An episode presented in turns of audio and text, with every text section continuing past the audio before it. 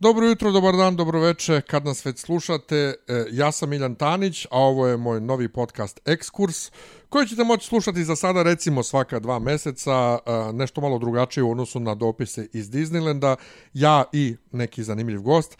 A za prvu epizodu sam rešio da je možda najprikladnije da pozovem čoveka s kojim sam pre više od 10 godina nekoliko godina malte ne svakodnevno radio i sedeo pred mikrofonom i prošlo je 10 godina od kako nismo sedeli zajedno pred mikrofonom. To je Vukašin Milićević, sada docent na Bogoslovskom fakultetu, to je pravoslavnom Bogoslovskom fakultetu Srpske pravoslavne crkve. Ne mogu da izgovorim sve. Hvala ti što si došao. Hvala na pozivu. E, dobro jutro, dobar dan i dobro večer, tako? Da, ja počinjem da. uvek sa dobra...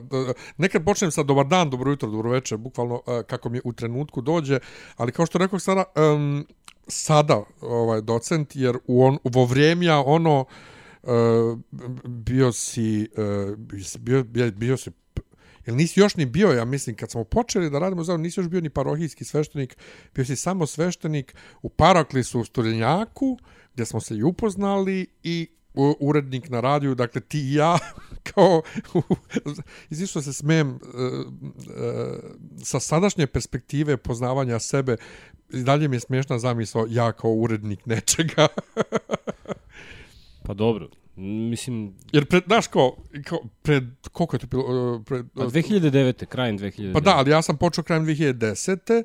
Znači, to je bilo pred, da, pred 12 godina, ja jesam bio odrasla osoba i dalje mislim da sam bio ovaj dete, ali mislim da je, da je to što, kako smo tamo radili bilo je, bilo, bilo je vrlo bilo je vrlo dobro, bilo je, bilo je zanimljivo. Ostavilo je traga do danas, mi veruješ?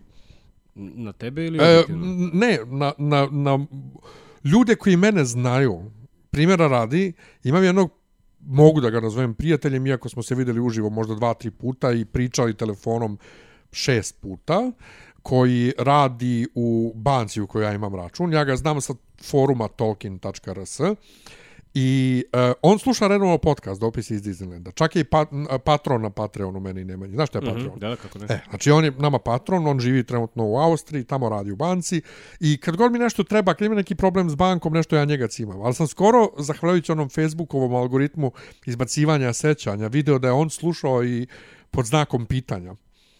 I kao, čekaj, čekaj, čekaj bre čovječe, on mene sluša ono kao fazon, znači 12 godina, slušao me na, na crkvenom radiju, ako čovjek nije sad od ovih pobožnih, i sluša me Sara. Tako pa da... dobro, pazi, taj, taj radio je imao ipak, pogotovo u to vreme, malo možemo reći neku širu, uh, šire slušalaštvo. U kvalitativnom, možda ne u kvantitativnom smislu, ali u kvalitativnom da. Smo zabacivali mrežu malo šire. Ne, ne zbog toga, nego prosto program je bio takav. Tih prvih nekoliko godina tako smo i postavili priču namerno, jel?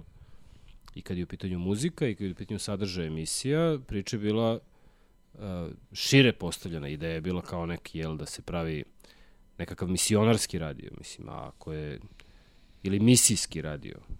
Ako je to tako, onda naprosto mora da se postavi tako da komunicira sa, u kvalitativnom smislu, širom populacijom. I to mislim i dalje. Jeste, ali pripremajući se sad za ovaj razgovor, razmišljao sam odakle, od koje, od koje teme bismo mogli krenuti, gde bismo mogli početi i sad prednost ovakvog formata je e, koliko god ja inače to ljudima zaista stalno pričam meni se dok sam bio na radiju nije niko mešao mikrofon ja sam mogao da pričam šta god želim s tim što naravno postojala autocenzura u smislu da znam šta ne smem ni pošto da, da kažem, o čemu ne smem ni pošto da pričam i na koji način ne smem ni, ni pošto da pričam, ali prednost ovako slobodnog, sobstvenog ovaj, e, formata je što može malo i otvorenije i drugačije da se ali priča. Ali vidi ovo, pa izgleda, znači, to, to je okej. Okay. Problem nastaje samo ako želiš nešto da kažeš, a znaš da to ne smeš. Ako ti ne želiš da kažeš to što je, po znacima navoda, zabranjeno, ili bez tih znakova, onda je to sasvim okej. Okay. E, ti... Jeste, jeste, ja iskreno da ti kažem, e, malo šta je bilo u te tri godine da sam ja želeo da kažem na radiju, a da nisam smeo. Vrlo, vrlo malo, malo šta, jer jednostavno o mnogim stvarima nisam želeo da pričam. Ali, recimo, kada je bilo oko ovog uh, popa Branislava Peranovića Aha. i toga, to nismo jednostavno smeli da pričamo. Takođe, jednostavno institucionalni okvir... Ali gledaj sad ovo, recimo, više sad zanimljiva stvar. Uh, više ne mogu setim koja je to godina bila, ali recimo ja sam, kada se to desilo, tada sam pisao za crkvene novine za koje sada ne mogu da zamislim uopšte da, da, da mogu da pišem. Da, da. Znači, što koncepcijski, što zbog nekih uslovno rečeno praktičnih razloga. Ove, ovaj, ja sam odmah napisao tekst, veoma kritički tekst o tome, sećam se i naslova, naslov je Gleču da bio lopata, jel? Ove, ovaj, I to je prošlo. To je, koja je? To je neka 2010. ako se ne varam, tako? E, tako nešto. Da, da. Da, e sad, uh, hoću da kažem, uh, bilo je prostora čak i za tako nešto. Bilo je, Ili ali... možda deveta.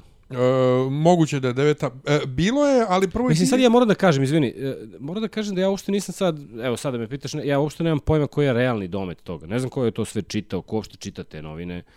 Ovaj, to je nešto funkcionisalo tada i sada verovatno funkcioniše tako što e, je prosto e, distribucija misionara bila vezana za versku nastavu, pa je onda na, to je bila neka primarna publika. Ali uh, uh, za mene je nekako potpuno prirodno bilo tada da pogotovo s obzirom da su, da su, kako bih rekao, čak i ova, kako se kaže, ono, zvanična crkva je preduzela konkretne korake, tada bila, ogradila se, davali su izjave i tako dalje, pa mora nešto se kaže smisleno o tome, jel? Jeste, ali je postojao problem jednostavno institucionalno birokratski rada na zvaničnom crkvenom radiju koji je podrazumevao da mnogo toga, pogotovo vezanog za crkvu, ne smeš da daš u etar dok ne dođe od ozgo odobrenje. Jeste, da, da. I to je, i to je ono gde, se radi. Gde, smo, gde smo bili kočeni vrlo često, Sad, pa da onda čak, izvini što te prekidam, da čak uh, uh, pojedini episkopi od kojih mi čekamo odobrenje, izjavu daju prvo nekoj državnoj televiziji, pa onda mi smemo da prenesemo. Jeste, ali to je zato što uh, generalno kad su u pitanju crkveni mediji, tu neke najosnovnije stvari nisu još uvek uh, razjašnjene. Mislim, ja sada apsolutno nisam aktivno, u, već duže vreme nisam aktivno uključen u čitavu priču, ali mi je jasno, vidim to, pratim iz prostog razloga što me interesuje, iz čiste radoznalosti, bez nekog naročitog sada neke fokusiranosti na čitavu priču, ali mi je to jasno. Recimo, uopšte nije e, do danas razjašnjeno šta to zapravo treba da podrazumeva informativni program u crkvenom kontekstu. Ja se sećam jedne situacije koja je potpuno benigna i možemo da kažemo šta se tu ovaj, tačno desilo. A, kada je izabran XY episkop, mislim da je u pitanju bio vladika Teodosije za episkopa Raško-Prizrenskog u kontekstu čitave priče oko, ne znam, bivšeg vladike Artemije i, i tako dalje. Ovaj, to je bila, može se reći, jedna pozitivna vest, dobra vest, da je kao nekako rešena situacija, desilo se desila se jedna, desila se ozbiljna kriza, pa je ta situacija rešena i sad mi smo to recimo znali, to je bio neki novembar, neki vanredni sabor, ako se ne sećam negde u jed, ako se dobro sećam, u, u, u jedan smo to znali, 13 časova. I mi to kao nismo objavili, zato što nismo hteli da objavimo pre zvaničnog saopštenja sinoda, koje se koje je postavljeno bilo tipa, ne znam, oko ponoći ili tako nešto, a do tada su već sve druge medijske kuće objavile tu vest. E, naravno, njihovi izvori su bili isti ti koji su bili i naši, jel? Znači, njima je mogo da javi samo neko ko je sedeo tamo kad je čovjek izabran. Objavili su rok od odmah, jel? Pol, možda pola sata nakon što smo mi čuli. Ali recimo, to je primer, čini mi se, čak i da uzmemo u obzir sve to da mi da kao tu ne postoji prostor, da ne postoji zrelost za bavljanje nekakvim istraživačkim novinarstvom, a da to se ništa od toga ne stoji, mislim to to je potpuno E, ljudi se boje istraživačkog novinarstva u stvari, a boje se zbog toga što se boje suočavanja sa sobom. Ali to je sad druga tema, skroz. ovaj, ali recimo to je jedna potpuno situacija neverovatna. Mislim, ti kao imaš mogućnost da tim medijima, svojim medijima, u kojim rade tvoji ljudi, učiniš nešto, da im daš da budu, kad im, da im daš prvenstvo u nečemu. I to ne sme. To je pogrešno, to ne treba tako da se radi. Znači, meni se čini, evo, mogu da kažem, sad mnogo više ljudi danas radi u crkvenim medijima nego što je tada radilo, ali mislim da je njima potrebna takva vrsta podrške, da imaju, kad, makar kad su u pitanju ta neka crkvena problematika, da imaju prvenstvo i da onda znamo koliko znači to kada neka velika medijska kuća napiše da je vest preuzela od, ne znam, tog i tog radija, to, te i te televizije ili sa tog i tog portala, koji je, ne znam, crkveni portal. Znaš, to, to, to, to je ozbiljan onako, ozbiljna podrška i, i, i ozbiljno podiže neku, neku relevantnu. Ali je meni se čini da zaista ni tada, kao ni sada, apsolutno niko o tome ne razmišljao. I mislim da je to ozbiljan problem, ali, bože moj, ima ljudi koji se pa, bave time. mislim, onda se do, dolazi do pitanja što su uopšte osnivane te ovaj crkvene, ne samo radio stanice, nego mediji uopšte, ali to je sad već ova, neka druga tema. Uh, ono o čemu sam, rekao, već razmišljao je, uh, dakle, mi smo posljednji put ovako sedeli, ne ovako, u studiju pravom, i razgovarali pre punih 10 godina, dakle, ja sam u februaru 2013. prestao da radim na radiju, I naša stalna tema u emisiji pod znakom pitanja i u, ili ne, u reč pastira si ti onda posle dolazio redovno, ovaj je bila reality, reality, reality. Čak smo sami sebi dojadili više s tom pričom bili i ljudima koji su nas slušali i ja vrlo dugo nisam nigde više pričao o realitima i sećam se se, se tad žalio kako ne mogu u Maxiju da kupim nešto jer stojim na, na, na kasi, a ono vrište naslovi iz realitija na, na, na, sa ovih naslovnih stranica ovaj e, novina. Danas imamo situaciju prvo da stanje, odnosno ponašanje ljudi u realitijima je daleko gore nego tada. Dakle, sad imamo fizičko i seksualno nasilje i kriminalce višestruko osuđivane koji ono bacaju ljude kroz staklo tamo i seku se i ništa. Ili ljude koji žive u realitiju već godinama koji su žene koje su ostale trudne i porodile se i, i, i ono sve u realitiju nekako mislim da je stanje mnogo gore a država i dalje ništa. Znači, televizija ne snosi nikakve posljedice, ti ljudi ne snose posljedice, e, RRA, ništa, RRA čak je ono, ova, ako se sećaš pre x meseci je to bilo kada je trebalo da se zabrani emitovanje preko dana, pa je baš Aleksandra Janković, koja mislim je da li zvanično ili nezvanično predstavnik crkve u RRA, zato što je nju postavio sadašnji patrijarh ovaj nakon svog odlaska iz RRA za svoju zamenu. Vidiš, sad, sad si to rekao, ja znam da bi trebalo da postoji predstavnik nekih verskih zajednica, on je u tom svojstvu i bio. Verovatno je to. Mislim da ona je sada, jer on je nju stavio kao svoju zamenu. Gledao sam pre neki I ona dan je žena da... rekla da je ona, uh mislim, ona je, ona je najveći glas bila protiv zabrane emitovanja realitija u toku dana, jer time kršimo slobodu govora. to je bio dakle argument da se time krši sloboda govora. Ne znam da li se sećaš da je ona sredinom 2000-ih, dok smo obojice još bili na fakultetu, tražila da se zabrane Simpsonovi, emitovanje Simpsonova u Ne sećam se, ali to zvuči odlično. A znaš zašto? Zašto? Jer Homer nije bogougodan. Homer neće da ide u crkvu. Ali kako će onda javnost da čuje Flandersa ako zabraniš Simpsonove? Pa, mislim, da. hoću da kažem da neko ko je psiholog ili psihijatar, šta je ona već, i ko je predstavnik crkve u zvaničnom državnom organu, kaže ne možemo da zabranimo emitovanje realitija preko dana, e, zato što je to kršenje slobode govora. Ma vidi, ne znaš šta ti kažem, znači, e, e, evo, nisam pročitao izjevu i ograđujem se s obzirom na kontekst, bla, bla, bla, bla, bla, ali verujem da, si, da je to tačno tako kako si rekao. Mislim, ali to je skandalozno, znaš.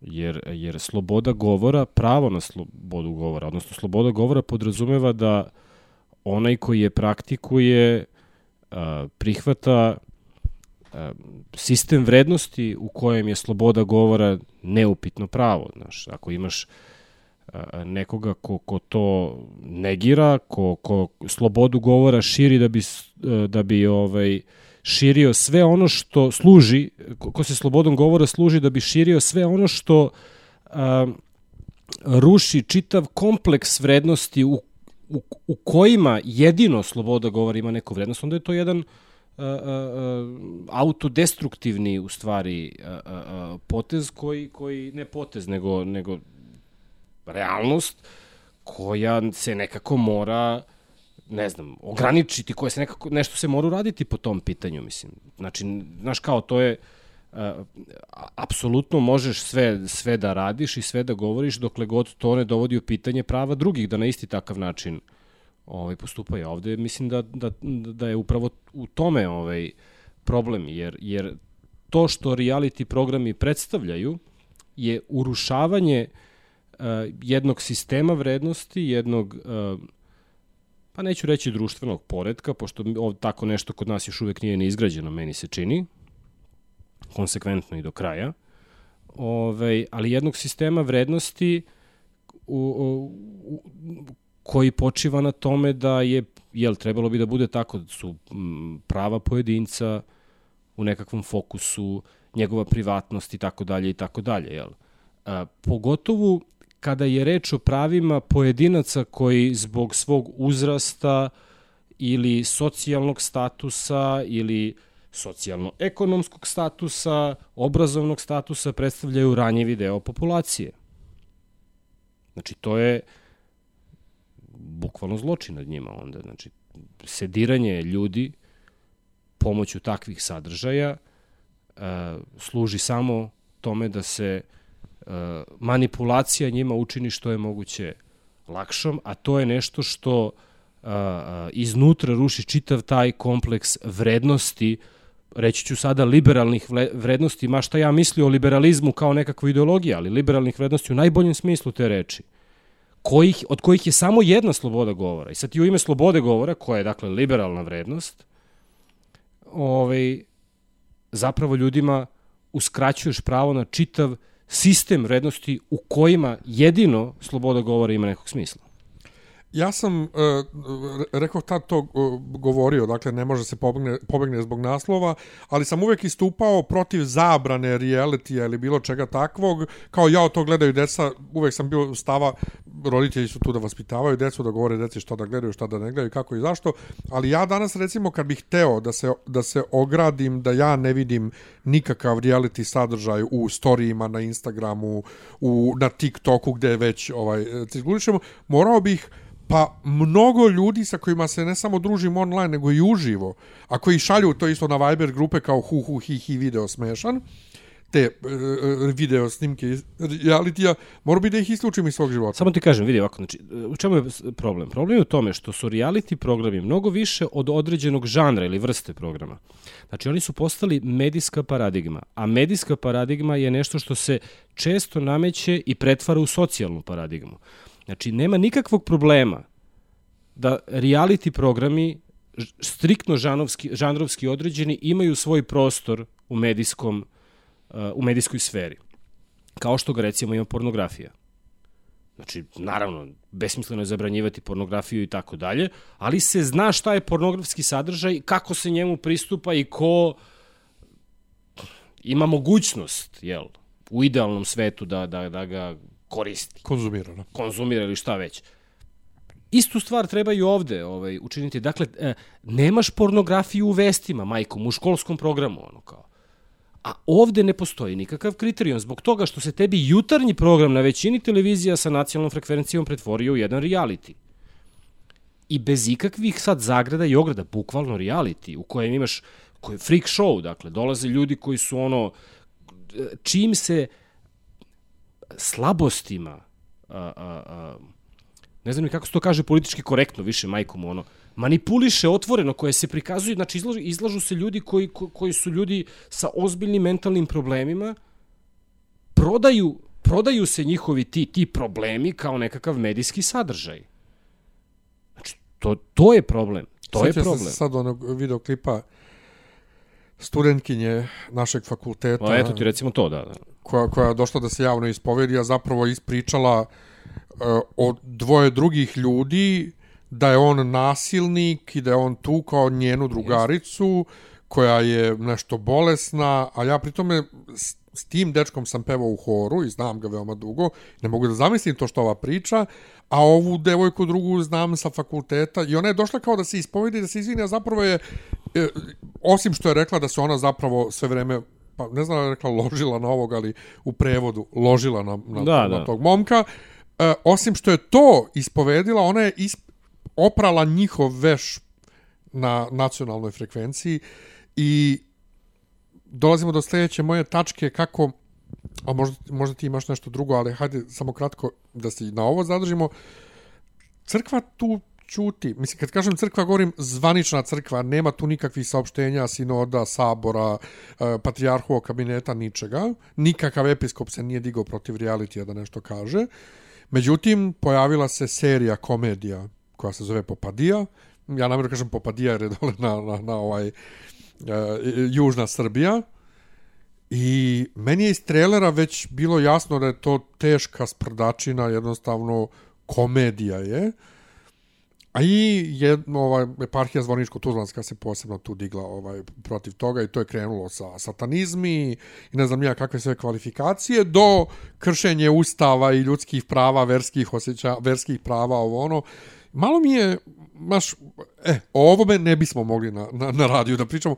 Malo mi je bez veze ovaj, e, to, kako te visoke institucije crkvene se ne oglašavaju povodom bilo čega, a onda se uhvate za tako nešto trivialno, kao što je jedna glupa TV serija.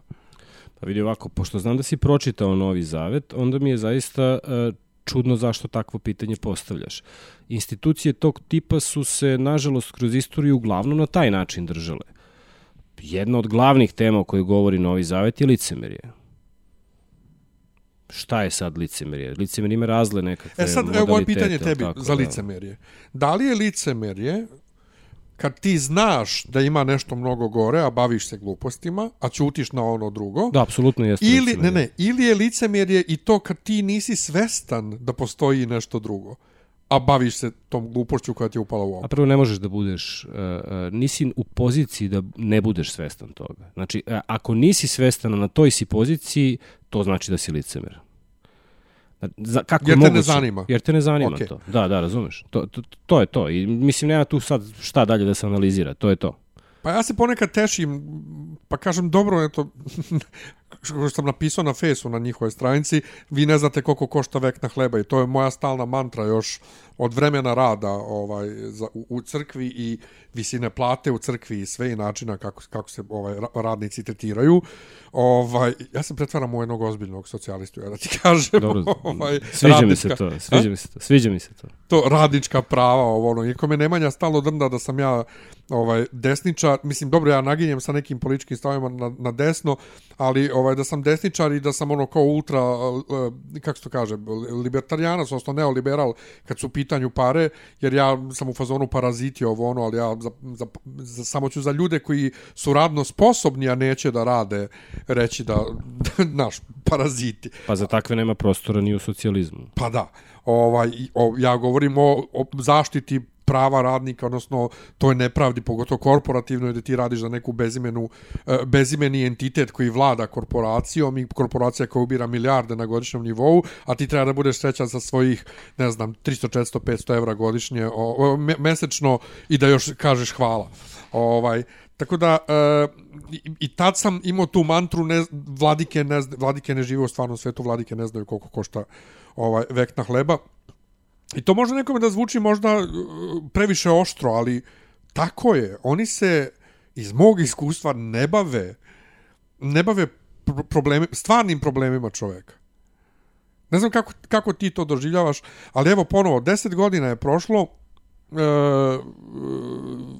oni, ona pitanja pitanja ona vernika, ono, šta sme da se jede u toku posta, šta ne sme da se jede u toku posta, da li žena sa menstruacijom sme u crkvu, da li sme da se pričesti sa dva dana posta i tako dalje. Imamo se sad trenutno jedan popularan, veoma dobar u suštini Instagram profil veroučiteljka, zaboravio sam kako se devojka zove, ima 80 i nešto hiljada pratilaca, ovaj, vrlo onako moderno, ovaj, eh, Šta? Znaš možda ko je? Da, zato što... Ova, ali ona stalno Mislim da dobija Andreja pitanja. ili tako Andreja nešto, studentkinja, da. da, da, da. Ona stalno dobija od, od, od ljudi ta pitanja vezana za post i to. Ja kažem, čekaj bre, 2022. godina, mi dalje se bavimo stalno. Ali ja mislim da se to i, kako sad kažem, da se to podstiče, da se vrte ta pitanja, da se ne postavljaju nikakva substancijalnija pitanja. Razumeš šta hoće da kažem? Ma razumem potpuno i slažem se, ali ne znam šta bih rekao po tom pitanju, jer, e, kako bih rekao, e, stvar funkcioniše na taj način. Ja sam to čak i napisao, poslednji put sam napisao jedan tekstu koji sam objavio, čini mi se 2019. ili 20. Ovaj, da zapravo mi ovde kao crkva ili crkva ovde živi od sujeverja, ona ne živi od vere. Od različitih oblika sujeverja. Znači, postoje političko sujeverje, možemo da kažemo čak i idolatrija, ne vera, nego, ne čak ni sujeverje, nego idolatrija. Od različitih vidova idolatrije. Političke idolatrije, ovaj, religijske idolatrije, a, ne znam, tradicijske idolatrije, recimo, Ovaj, i, i, I naprosto stvar tako funkcioniše. Znači, mi, ako razmišljamo malo, eto, mimo nekakvih idealističkih okvira, ako razmišljamo kritički, a, vidjet ćemo da stvari, društveni procesi, znači oni nikada nisu pokrenuti nekakvim čistim idealima, idejama i tako dalje. Znači, ne, uvek postoji nekakva, između ostalog, i nekakva ekonomska pozadina u čitavoj priči, nekakav materijalni osnov, što bi se reklo, je li tako? Znači ovde postoji veoma konkretan materijalni osnov. Znači ti ako hoćeš da živiš od evanđelja, znaš, ti onda ovaj, živiš verom. A živeti verom znači ne brinite šta ćete jesti, šta ćete piti, šta ćete obući, gledajte krinove u polju, jel, niko od njih ono ne šije, ne tka i tako dalje, a Solomon se nije obuko kao on i tako dalje. Ja nešto ne vidim, eto upoznao sam mnogo ljudi, mnogo sveštenika, čak i episkopa, redki su, ne znam, možda jesam nekoliko njih upoznao koji bi mogli da, za koje bih mogao da kažem da, da, da na taj način u stvari žive. Ovaj, ali a, a, mnogo je onih koji te kako brinu o tome šta će obući, šta će jesti, šta će popiti, naročito to, od kad je Sivinarija razvila u ovoj Srbiji, naročito se o tome brine, jel, šta će se popiti, šta će se voziti i onda ako ćeš tako, onda je potpuno ovo normalno, zato što ti a, a, priču o, o žrtvi i ljubavi, pogotovo kad to više nije samo priča, nego realnost. Pa ne može da prodaš tako dobro kao što može da prodaš priču o tome da te Bog voli zato što si upalio tri sveće. I što si pazio da li je gore ili dole. I da nema nikakve veze to što si ti pokro ne znam šta, ako postiš 5 dana, 40 dana, sve je okej. Okay, ono je i da nema veze što si nakro 80 miliona ako daš dva, ti si veliki ktitor.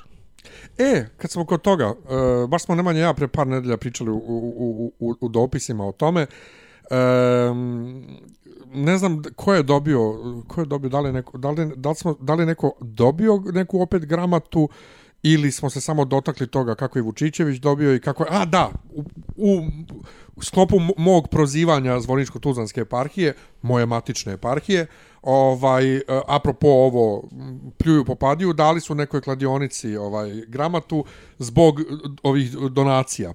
I sad moje je bilo, pa, mislim jebi ga, kad do, daš, dobiješ donaciju, moraš da daš priznanje tome, ali sad je pitanje da li, da li smeju da odbiju donaciju i da li treba da odbiju donaciju da kažu nećemo od kriminalca da uzmemo donaciju ili nećemo da uzmemo... A ne mogu ja sada da, da, da, da sudim ne, ne, sad kao, ali, znaš, kao jedno eparhiji, kao, ali ne, mogu da kažem da je... institucionalno. Da. da. li, da li sad uh, crkva može da kaže nećemo donaciju od kladionice?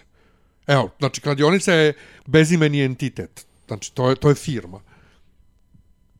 Pa ne znam kako to... Kako, kako pa da li mogu da odbiju donaciju? To je jednostavno pitanje. Pa naravno da mogu da odbiju donacije. Znači mogu. Znači, mogu, ja smatram da treba, dok se tako Mislim, nešto da ne bude dešao. Postoji mehanizam koji, te, koji može da te prinudi da prihvatiš nečiju donaciju. Pa dobro, brate, ali naš, ne može sveštenik da odbije isto vernika koji je došao i pokajao se. Znaš, ovo kao... Pa čekaj, apsolutno nije ista stvar. Pa, Vernik koji je došao i pokajao se i, i ono kao trgovac s drogom koji je došao i rekao izvolite milion dolara, recimo, XY. ili oružjem, ili nebitno je. Ili životima drugih ljudi, ili, eto, možda i kladionica.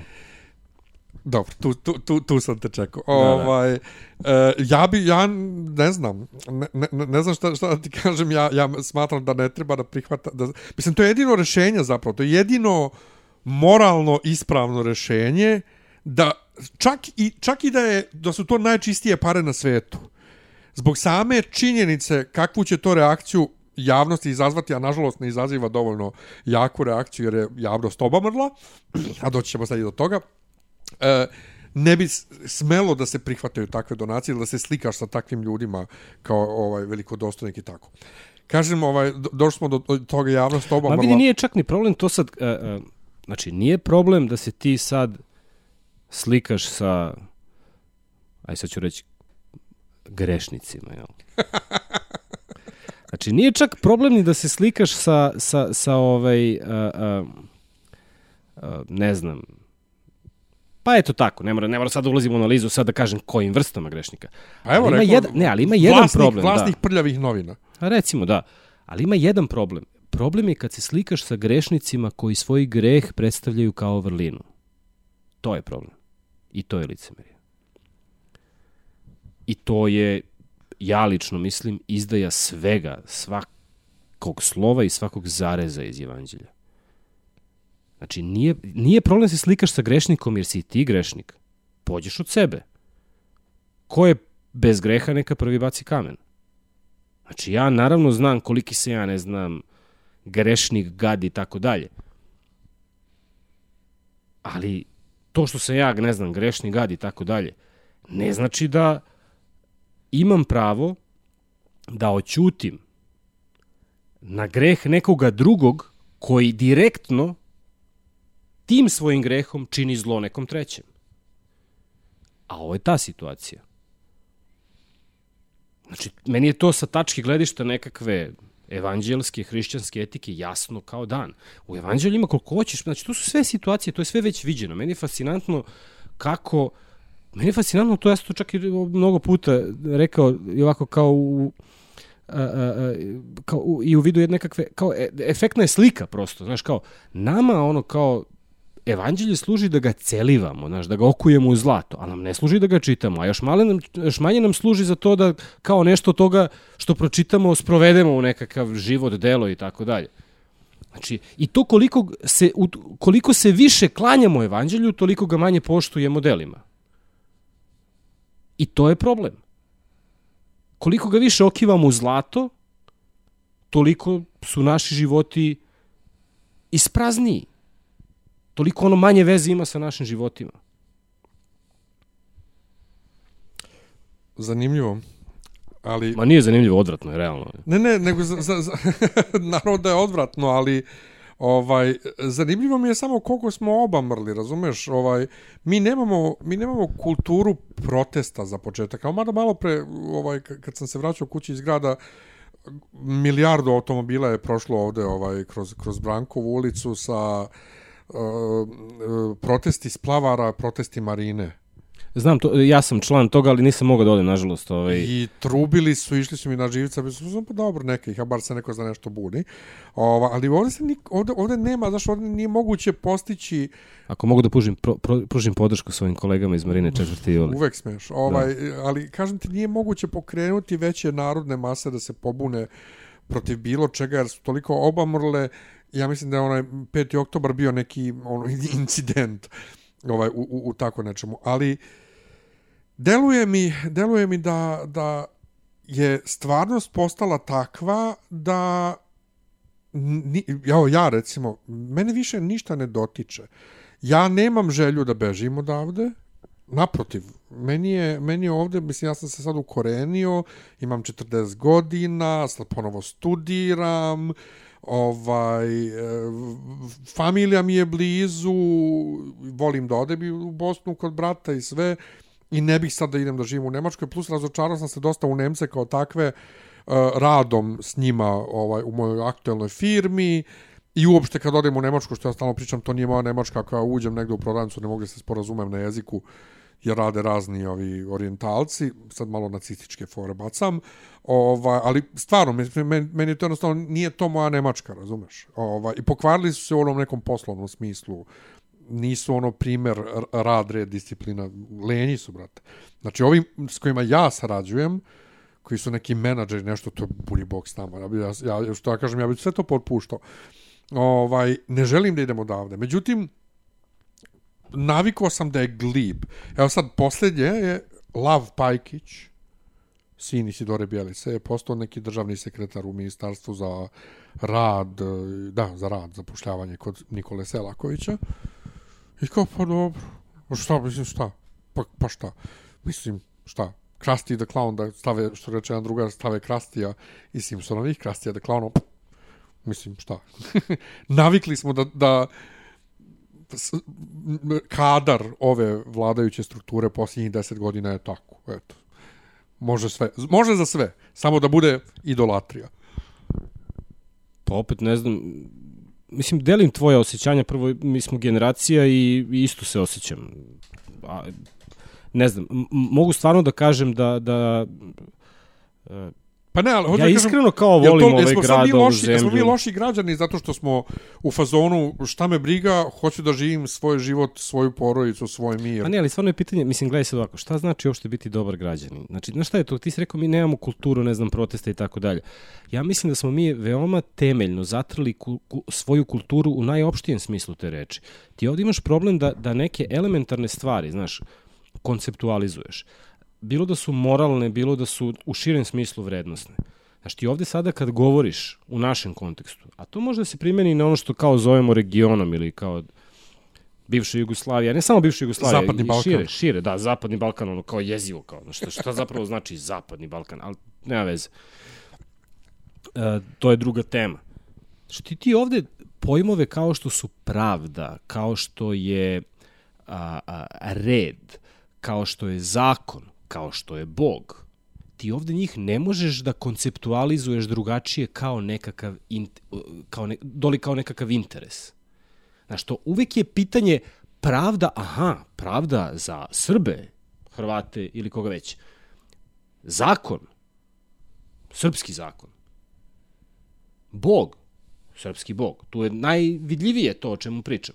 Ti ovde, kažem ti, ti ovde, znaš, religiju mimo konteksta, tradicije, predačke vere, zaveta i tih sličnih stvari, ti ovde ne možeš da, da, da, da, da uopšte, da, bukvalno ne možeš da je konceptualizuješ. Šta bi ona značila bez svega toga? moguće da ja kao, ne znam, Marokanac koji je došao ovde, zato što be, kao budem sad ovde hrišćanin, pravoslavac, a da ne mora da prihvatim sva ta, ja ću reći ludila, mislim da su ludila.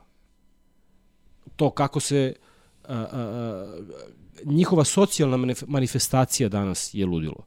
Ja ne mislim da su to stvari koje treba odbaciti, prevazići i slično tome. Ali one su zloupotrebljene. Pa ne, možda treba osvestiti ljudima šta, šta, šta, Ali da bi osvestio bilo šta, moraš da misliš kritički. A ovde je to nešto što je ravno izdaji.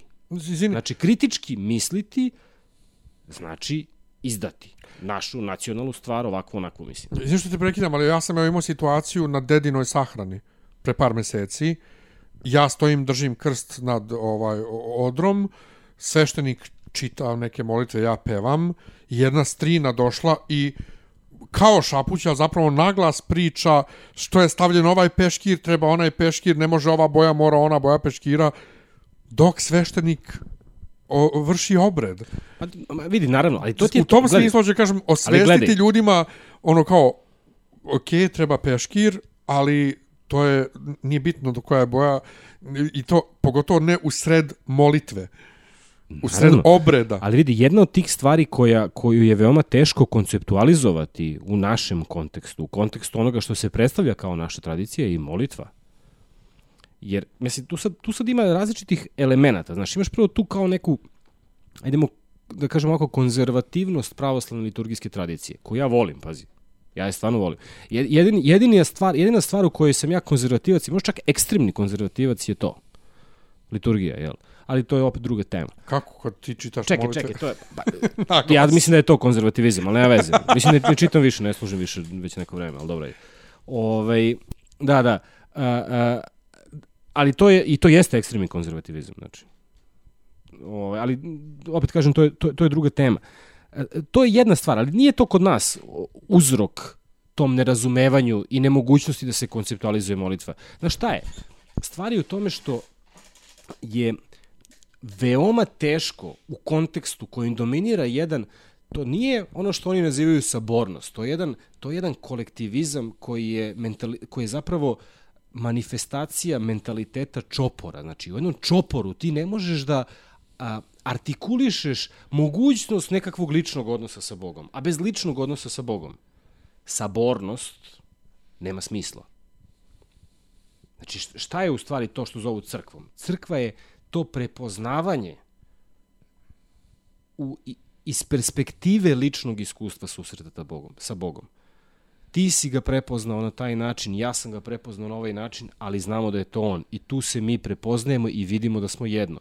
Tako ja razumem crkvu. Kad nema tog ličnog, onda nema ni onog sabornog. Saborno apsolutno nije isto što i kolektivno. Zato što kolektivno veoma lako zapravo postaje čopor, uglavnom jeste čopor. Mentalitet e, rulje. Rulja, čopor, čopor.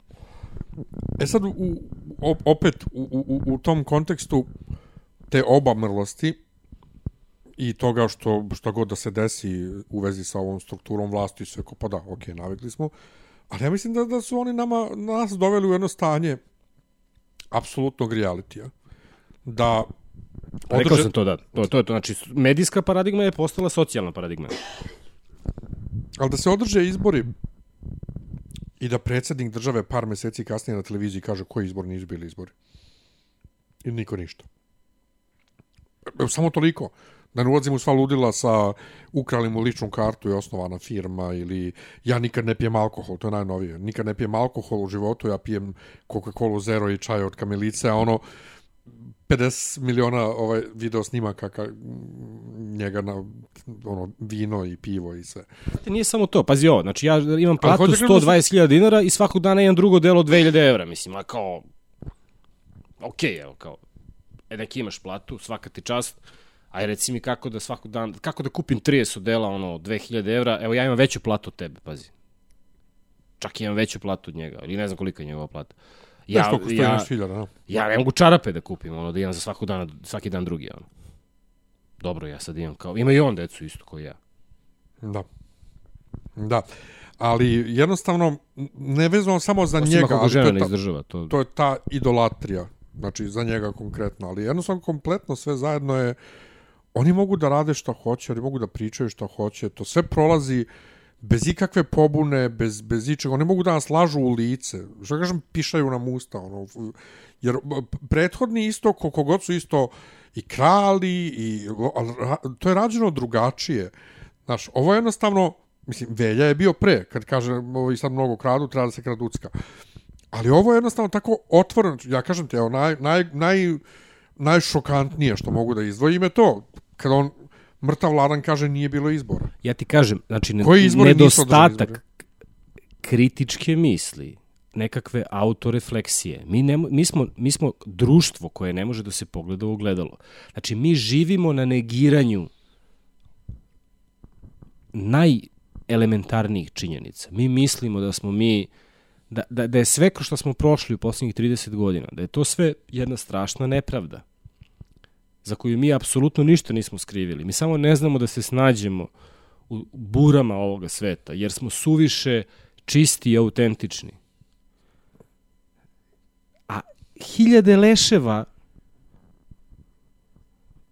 trune još uvek nisu nađeni. Neko ih je ubio. Pa da, reći će ti i, naših isto ima. Pa sami su se ubili, sigurno, da. Pa ima, ima naših, ali ja, aj, mislim, pazi sad, da, da ne ulazimo da konkretno. A oni drugi, oni ne pričaju o našim leševima. Ali to ti je taj, to je naš mentalitet. A šta su oni nama radili? Znaš, nema ne veze, negiraš, ali da vidimo šta, ne smo, mi šta smo mi radili. Ne negiramo šta ne, smo mi radili. Apsolutno negira, ali, apsolutno ali kažemo, ali kažemo, a šta su oni nama radili? E, vidi, ali znaš čemu se radi? Znači, poenta je u tome što smo mi društvo koje se raspada, nezavisno od njih. Znači, i to društvo ima problem sa elementarnim činjenicama. To društvo je društvo u kojem je problem reći da je belo, belo, crno, crno. To društvo, svako društvo počiva na nekakvom socijalnom konsenzusu. Naš socijalni konsenzus je da je belo, crno, u različitim varijantama. Znači, e, nema problema. Hajde da izbrojimo žrtve. Ali ako kažeš da nije 10 nego 9, ti sebe diskvalifikuješ, jer možda kažeš samo da je 11. Iako je neko izbrojio 8 možda, ili 7 ili 5. Iako je 5 jezivo. Jezivo. Jedan je jezivo. Znači, govorim o odnosu prema našim žrtvama, ne prema drugim žrtvama. Sada. Da, znam, znam, znam Znaš tačno na šta govoriš. Znaš, znaš, znaš na šta mislim? Dakle, o tome se radi. I koji je efekat toga? Efekat toga je da bukvalno ti time kompromituješ, a, rugaš se zapravo tim sobstvenim žrtvama. Jer ih iz oblasti iz domena jedne užasne istorijske tragedije, kakva se redko kome zaista desila, prenosiš u domen mitomanije, toksične mitomanije koja služi da opravda svaki pasjaluk koji je bilo koji pripadnik tvog čopora ikada počinio. To je problem. To je problem. Meni se čini isto jedna situacija koju sam prisutuo pred otprilike tačno 10 godina, malo više od 10 godina, je priprema proslave Milanskog edikta ovaj, 2013. koja, ako se sećaš, je održana u restoranu Crystal Night u Nišu i niko ništa. Ovaj, sve sami doktori nauka ovaj, i niko, nikome, nikome nije bilo jasno. Dakle, priprema ovaj, Milanskog edikta, to je bilo nekoliko crkvenih velikodostojnika, par tvojih kolega sa fakulteta, ja se igrom slučaja našao, jer je pokojni profesor Bigović mene tad još ovaj, pre, pre smrti poslao prvi put na, na, na taj događaj u Nišu da se nađemo ovim Austrijancima iz Pro Orijente da prevodim. I sad ovde jedan veoma istaknuti crkveni velikodostojnik kaže kako, a to je dakle kada je Toma Nikolić tek pobedio, kako se menjaju vremena, kako nam država više nije tako naklonjena, to jest neće biti, ovaj misli na, na, na ovaj novu vlast sadašnju. U prevodu do tadašnja vlast je bila vrlo kooperativna ovaj sa crkvom. I kako treba vidjeti šta ćemo i kako ćemo. A danas mi se čini da prvo ja ne vidim nešto da crkva istupa protiv bilo kakvih dešavanja u društvu ili, ili u korist bilo kakvih pozitivnih dešavanja u društvu, pa ni za čist vazduh, ni, ni, ni, ni za što zapravo, a pa čak ni, ni za Kosovo se ništa više ne hvataju, ne izlaze. A i ako se izađe s nečim, poput recimo protiv, pro, protiv Europride-a, onda nigde se tu ne kritikuje sama vlast koja to organizuje. Dakle, možda, ne znam sad da li Brnabić pod, potkače, mislim da ni, čak ni nju više, ova, ali sigurno ne Vučića. Tako da mislim da, iz moje perspektive, da ovaj, se stvorila neka lepa harmonija države i crkve.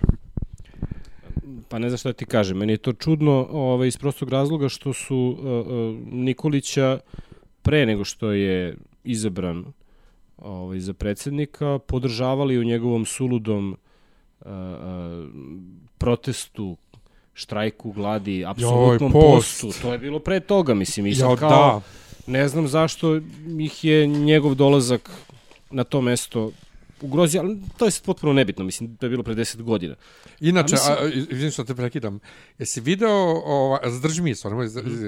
jesi video fotomonta, ne, a ta ti nisi na Facebooku, moram ti pokažem, E, kad god imamo neki problem u podcastu, što, Pojavi se Tomina zbog, fotka, zbog ona iz- bolesti, što, Da, da, ne, ne, imamo fotomontažu, Nemanja kao, mislim, Nemanje, Nemanjina glava na Tominom telu, i moje lice Na telu onoga koji ga je na posjetio. telu o, ovaj episkopa koji je bio kod njega isti taj episkop koji je posle pričao ovo što sam sad malo pre rekao ovaj, ali moje lice se inače savršeno uklo morate pokažem po sliku savršeno se uklapa Pa ne znam, stvarno, ali što, znaš- da, ja sam to zaboravio zapravo, da, da je to u kontekstu jednog drugog. Sad, sad mi zapravo još čudnije to, znaš, kao te, idu nam teška vremena. Ne, ali ja ne, ja ne znam koji su njihovi, uh, koja je dinamika njihovih međusobnih odnosa, dinamika unutar, uh, uh, mislim, to se stvarno ne znam kako je tada to bilo, mislim, možda je zaista postojala neka struja ovakva, neka struja onakva, pritici sa zapada, sve to mogu da, da kao, da shvatim, ali prosto deplasirano je s obzirom na ovo što imamo sada.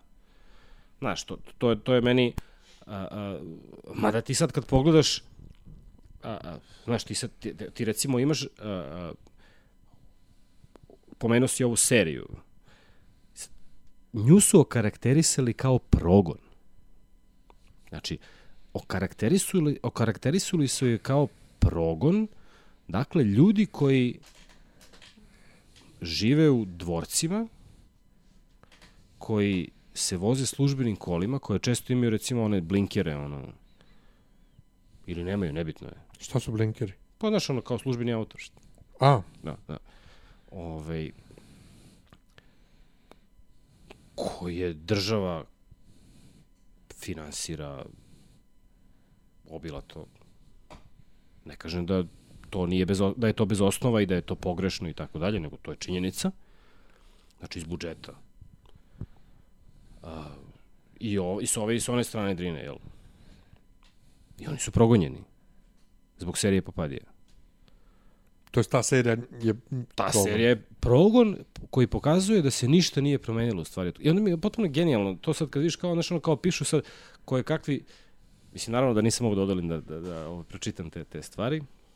I onda imaš kao sad pojavljaju se pored tih zvaničnih saopštenja, oni kao neki koji kao nešto sad tu više teorijski se bave time, kao sagledavaju stvari, znaš. Analitičari. Da, da, da, da, da, da. I sad, i znaš, i oni kao sad ulaze dublje u problematiku.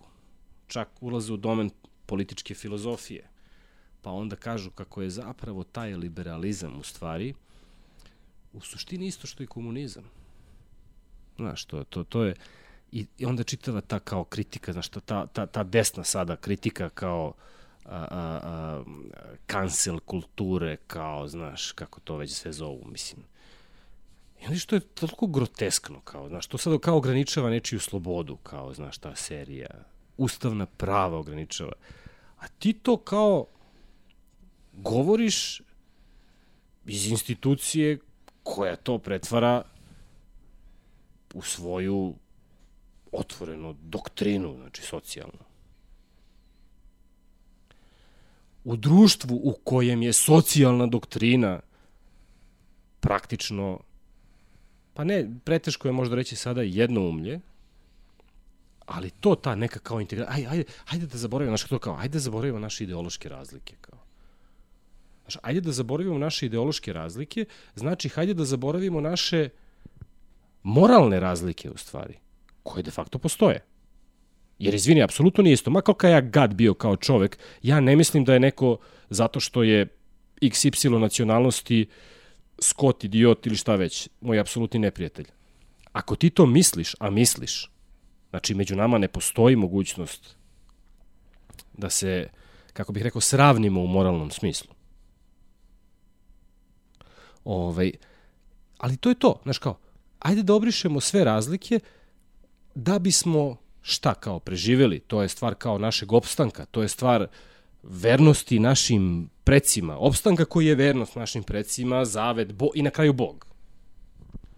Kakve to veze ima sa Bogom? Pa meni to, meni to deluje kao najužasnije ruganje u stvari Bogu. Ima jedan vizantski car Nikifor Foka koji je bio militantan tip skroz i prijatelj monaštva. Znači on je, on je a, pomogao, bio je ktitor u stvari, pomogao je svetom Atanasiju Atonskom da osnuje veliku lavru.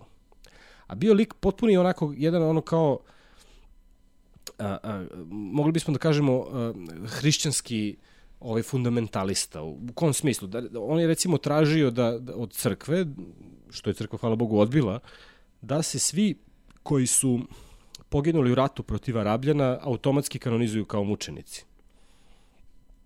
Jel? Car Nikifor Foka je u pitanju, ne znam da sam pomenuo sad, već sam zaboravio. Jesi. O, jesam, izvinjavam se, da. E, I Nikifor Foka je, uh, pazi, takav car je ovaj, sistemski sproveo oduzimanje crkvene imovine. Naročito od manastira. Dakle, prijatelj monaštva, jer je smatrao da su manastiri, parafrazirat ću, ne mogu sjetiti, davno sam se tim periodom nešto kao malo bavio, postali, da li kaže komedije ili tako nešto koje se izruguje liku Hristovom. Zbog toga što su nagomilali toliko materijalnih dobara. A postoje potrebe, znači to je sad period one, da kažemo, obnove vizantijske vojne i političke moći i rekonkviste na istoku i on je to opušteno. Dakle, poduzimao im je svašta, mislim. Znači, on koji je sam bio asketa, tipa nije jeo meso, ne znam, ovaj, prijatelj Svetog Atanasija Atonskog. Dakle, treba da malo znaš, kad se toliko pozivamo na istoriju, mi se užasno pozivamo na istoriju, pojma nemamo o istoriji. Istorija je predivna, ali ima smisla samo ako je, da se ponovim po ko zna koji put, kritički čitaš. E, ali vidiš to kad kažeš ovaj, um, ta distanca i sve i, i kako se promenilo uh, ja nešto imam utisak da, da, da, da, da nema više tog razlika u strujama. Da, um, znači, kad sam ja počeo da radim u crkvi, tad je bilo ono glavno starotarci, novotarci i vrlo jasna podela među vladikama. Međutim, desilo se, nekako ja to bar tako doživljavam, da toga više nema, a da episkopi koji su bili na istoj strani kada je to u pitanju i kad su ih ovi internet ovaj verobranitelji napadali da su oni sad na našim stranama uslovno rečeno politički i da sad tu ne, mislim o, o, te neke podele, Vidi, podele osjećaju sad da. kažem ali mislim da je velika velika stvar koja se desila su zapravo ovaj je smrt vladika Amfilohija, Atanasija i prethodnog patrijarha. Pa jeste, ali znaš šta... Da to, da to ostav, ostav, ostavilo nekako potpuno drugačije stanje. Znači, crkva pre 10 godina i crkva da, da. danas... Pa mi tu možemo sad da lamentiramo, mislim, ali ne, ne, ne, ne, ne, ne, ne, upravo si, ne, ali vidi... Nego, nego ono što se dešava unutar crkve i o čemu se, ajde recimo, priča u kuloarima crkve. Jeste, ali znaš šta, znaš šta je tu, tu, tu ovaj, uh, u čemu je stvar? Pa upravo ono čemu sam malo pre ovaj, uh, govorio, znaš, da, kad rekao sam da, da su ovde sve velike ideje u stvari samo uh, nekakve maske za veoma konkretne interese, tako isto i ovde. Ta priča o, to si pomenuo kao novotarci, ne znam, progresivci, ovi oni kao, znaš, ovo kao neopatristika, povratak kocima, obnova kao pravoslavne teologije, duhovnosti, bla, bla, bla. Pokazalo se da to je isto što i pravda i istina u nekom socijalnom kontekstu. Znaš. I e, da su to stvari od kojih se veoma lako može odustati, makoliko one važne bile, ukoliko postoje konkretni interesi. E, I to je to to se dešava. I nema veze, super je. To, super je da se oslobodimo svih idola, u stvari, znaš. Nego što ja ne vidim da postoji neka želja da se oslobodimo idola, u stvari. Nego samo jedne menjamo Mislim, drugima. Kako bih rekao, a, a, razočaranje je, meni se čini bolja stvar od očaranja. Zato što te vraća u realnost. A ako govorimo iz hrišćanske perspektive, realnost je ono što jedino može da te spasi ili da bude nekakav prostor spasenja. Tvoji, da tako kažem, tripovi, makoliko uzvišeni bili, nisu to što se računa. Znači, računa se stvarnost. A ta stvarnost je takva. Ta stvarnost je takva da, da, da nema te svetinje koja se ne može prodati. Ne zato što je, nije svetinja, nego zato što mi nismo sveti. Ajde, malo budem ovako retorski raspoložen. Dobro. ovaj, a viš, re, reče, rekao si ovo za žrtve. Um, ja sam prvi put u Jasenovcu bio pre 5-6 godina, više ne znam nija koliko ima godina, ima manje možda. I to je naš drugar Nenad Božović organizovao ovaj, za studente ekskurziju. Uh, ali mogli su i ljudi ono, koji ne studiraju trenutno da se prijave, išao sam sa studentima fakulteta. I to je bio jedan period gdje sam se, do, do, dosta sam i, i dolazio na fakultet ponovo i družio se s ljudima, sa, sa sadašnjim generacijama studenta i sad, pošto radiš tamo, hoću da čujem šta ti misliš ovaj, o tome, a to je koliko je danas studentski korpus drugačiji. Odnosno, oni koji hoće da budu zadrti u svakom pogledu, njih i dalje ima. Znači, bilo ih je u naše vreme, ima ih i sada, ali generalno, jedan način života i način razmišljanja i otvorenosti prema, stva, prema stvarnom svetu, nazvaću to tako, studenta čini mi se da je na jednom vrlo, vrlo visokom ovaj nivou, jer recimo u naše vreme ja, ja ono, idem da pevam u, u horu, to je bilo bauk pevam u crkvenom horu. Ne, to, to je za, za ove koji su bili očarani grčkim pojanjem tada, jer je naš, naš paraklis na fakultetu bio grčki, ovaj, to je bilo malte ravno izdaji. Ovaj, kao, kao da nisam na fakultetu. A danas se studenti oko videh bave se i, i fotografijom i filmovima i organizuju se na fakultetu festivali filma i uh, studentske predstave ovaj pozorišne i sve kako ti sad kao, kao, kao predavač kako, kako, kako, kako, kako ti sliku vidiš u odnosu na ono kad si bio student među studentima pa znaš kako uh, da uh, kvalitativno uh, je došlo do ozbiljnog uh, poboljšanja s oscilacijama. Ti od fakulteta kao što je naš ne možeš da očekuješ da tu sad bude ovaj, da tu pršti sve od nekakvog entuzijazma i da svi sad kao nešto se trude da ovaj uh, pregorno rade mislim, o, o čemu se radi?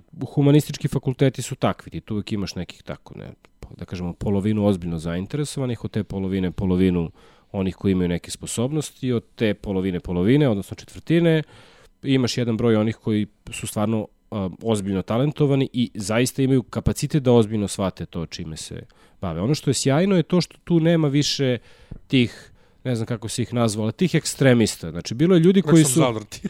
da, bilo je tih zadrtih, bilo je ljudi koji su tražili uh, pre 20 godina i više, naročito 90-ih, to su ove sa stare generacije, ja to znam iz priče, ali tako je bilo, ovaj, e, bilo ljudi koji su naprosto upisivali taj fakultet sa e, željom da reše svoje egzistencijalne, ali ne u ovom smislu svakodnevnom, dakle, nego to kao neka egzistencijalna pitanja, svoje religijske dileme i tome slično. Znači, toga više, znači, nema toliko, ima. Kao što ima ljudi koji upisuju psihologiju da bi rešili svoje psihičke probleme, mislim, ili to je negde normalno. Ovo ili filozofiju da bi, jel, kao rešili pitanja uh, ovaj, uh, opet egzistencije i sve tome slično. Ovde sada imamo posla sa, sa jednom generacijom koja je poprilično svesna toga čemu sve to, generacijama. To oscilira od godine do godine. Um, ono što je meni važno je da evo ja radim već više od 10 godina kao predavač. Uh, meni je važno da na svakoj od tih godina uvek postoji jedan broj koji oscilira, jel? Uh, ljudi koji pokazuju ozbiljne sposobnosti za bavljanje teologijom. Znači, kad to kažem, hoću da kažem da ako ih ima pet na godini, to je fantastično. I to stvarno mislim da je, mislim, ne samo za naš fakultet, nego generalno za fakultet tog tipa, za ono što se može uporediti sa, sa njim. Ovaj, kad ih ima više, to je sjajno, ako ih ima manje, nije strašno. Ali bitno da ih ima. Ovaj, uh, međutim, ono što je stvarno ozbiljan problem, i mislim, ali to je nešto što oni moraju sami da reše, je to, uh, uh, mislim, ne oni da, ne moraju ne oni to, ne, ne mogu oni to sami da reše, ali to su pitanja kojima će morati da se pozabave. Koja je perspektiva u ovakvom društvu? Bavljanja teologijom, ne samo na nekom akademskom ovaj, nivou i planu. To je ipak nešto što se tiče jedne zaista praktično zanemarljive manjine već generalno bavljanja teologijom u nekakvom širem smislu, nekakvom socijalnom u kontekstu crkve, dakle, smislu. Dakle, to, naprosto mislim da, da ljudi koji su završili teologiju, koji teolozi, dakle, ljudi koji studiraju teologiju, moraju da se više zapitaju o tome ne samo šta su hteli, nego šta hoće. I to je to nema smisla mnogo uh, uh, naprosto prepuštati se. Doći u situaciju kada uh, ćete se zapitati to šta sam hteo. Doći u situaciju kada ćete uh, videti da da naprosto doći u situaciju kada ćete morati da kažete da je crno-belo, već sam to rekao. A to baš nije zgodno, ako ste teolog. Pa dobro, ali ja mislim pre svega pitanje šta vi želite egzistencijalno u životu? Od čega, od čega ćete jeste, da, da živite? Jer pa mislim, jeste, ne, mogu, da. ne mogu svi biti popovi. Ali vidi, ne, ne, ne. Ne mogu svi biti veroučitelji. Da, to su neke stvari koje nisu sad kao, na, nemamo mi sad, mi možemo samo tome da promišljamo. Ali, a, naravno da je tako. Naravno, od čega ćeš ti da živiš, jel? To je, to je kao jedno od pitanja. Ali isto tako važno pitanje, ako se baviš teologijom, zašto ćeš ti da živiš? Mislim, kako vidiš sebe za 10, 20, 30, 50 godina, mislim? To su neke stvari koje kao neke ciljeve moraš da postaviš. Čemu to? A, I to je, ja mislim, glavni problem u stvari.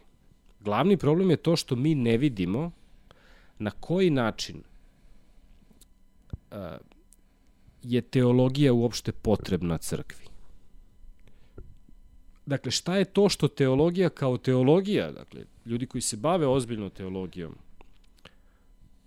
mogu da i treba da rade.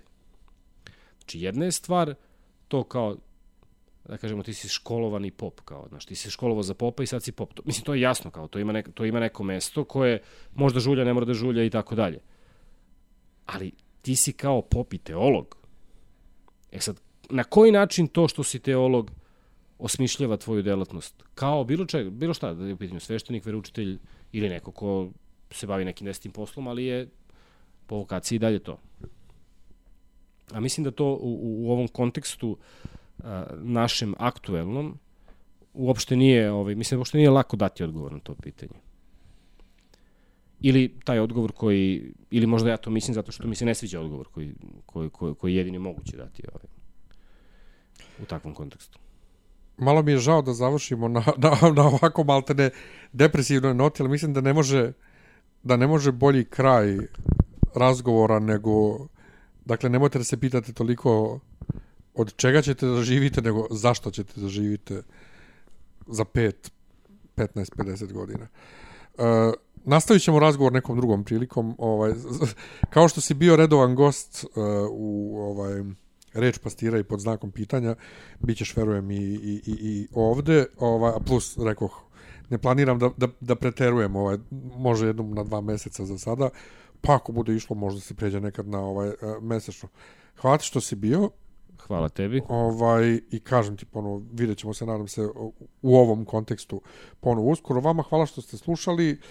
Pratite uh, kanal Dopisi iz Disneylanda od Soundclouda do Patreona, gde god stignete. Mene imate na Facebooku, na Instagramu. Znate već sve. Hvala vam i doviđenja.